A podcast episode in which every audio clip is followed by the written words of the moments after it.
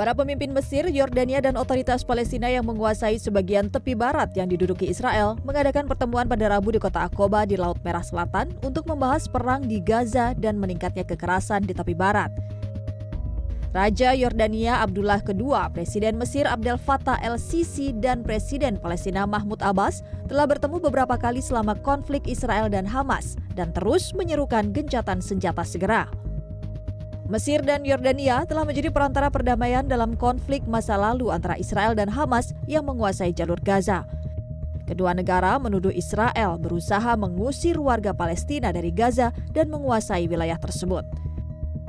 Sementara itu dalam pernyataannya yang disiarkan televisi pada Rabu, Perdana Menteri Israel Benjamin Netanyahu mengaku pihaknya tidak berniat menduduki Gaza secara permanen. I want to make a few points absolutely clear. Israel has no intention of permanently occupying Gaza or displacing its civilian population.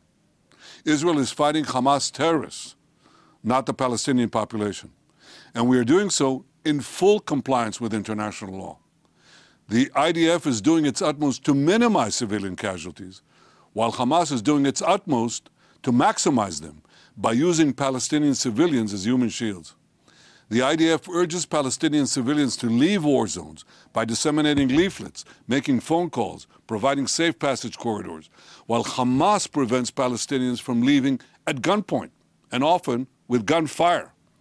Our goal is to rid Gaza of Hamas terrorists and free our hostages. Once this is achieved, Gaza can be demilitarized and de radicalized, thereby creating a possibility for a better future for Israel and Palestinians alike.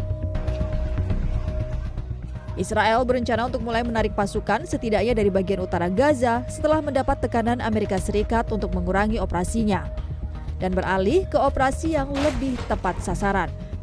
Namun pertempuran tetap intens terutama di wilayah selatan dan tengah.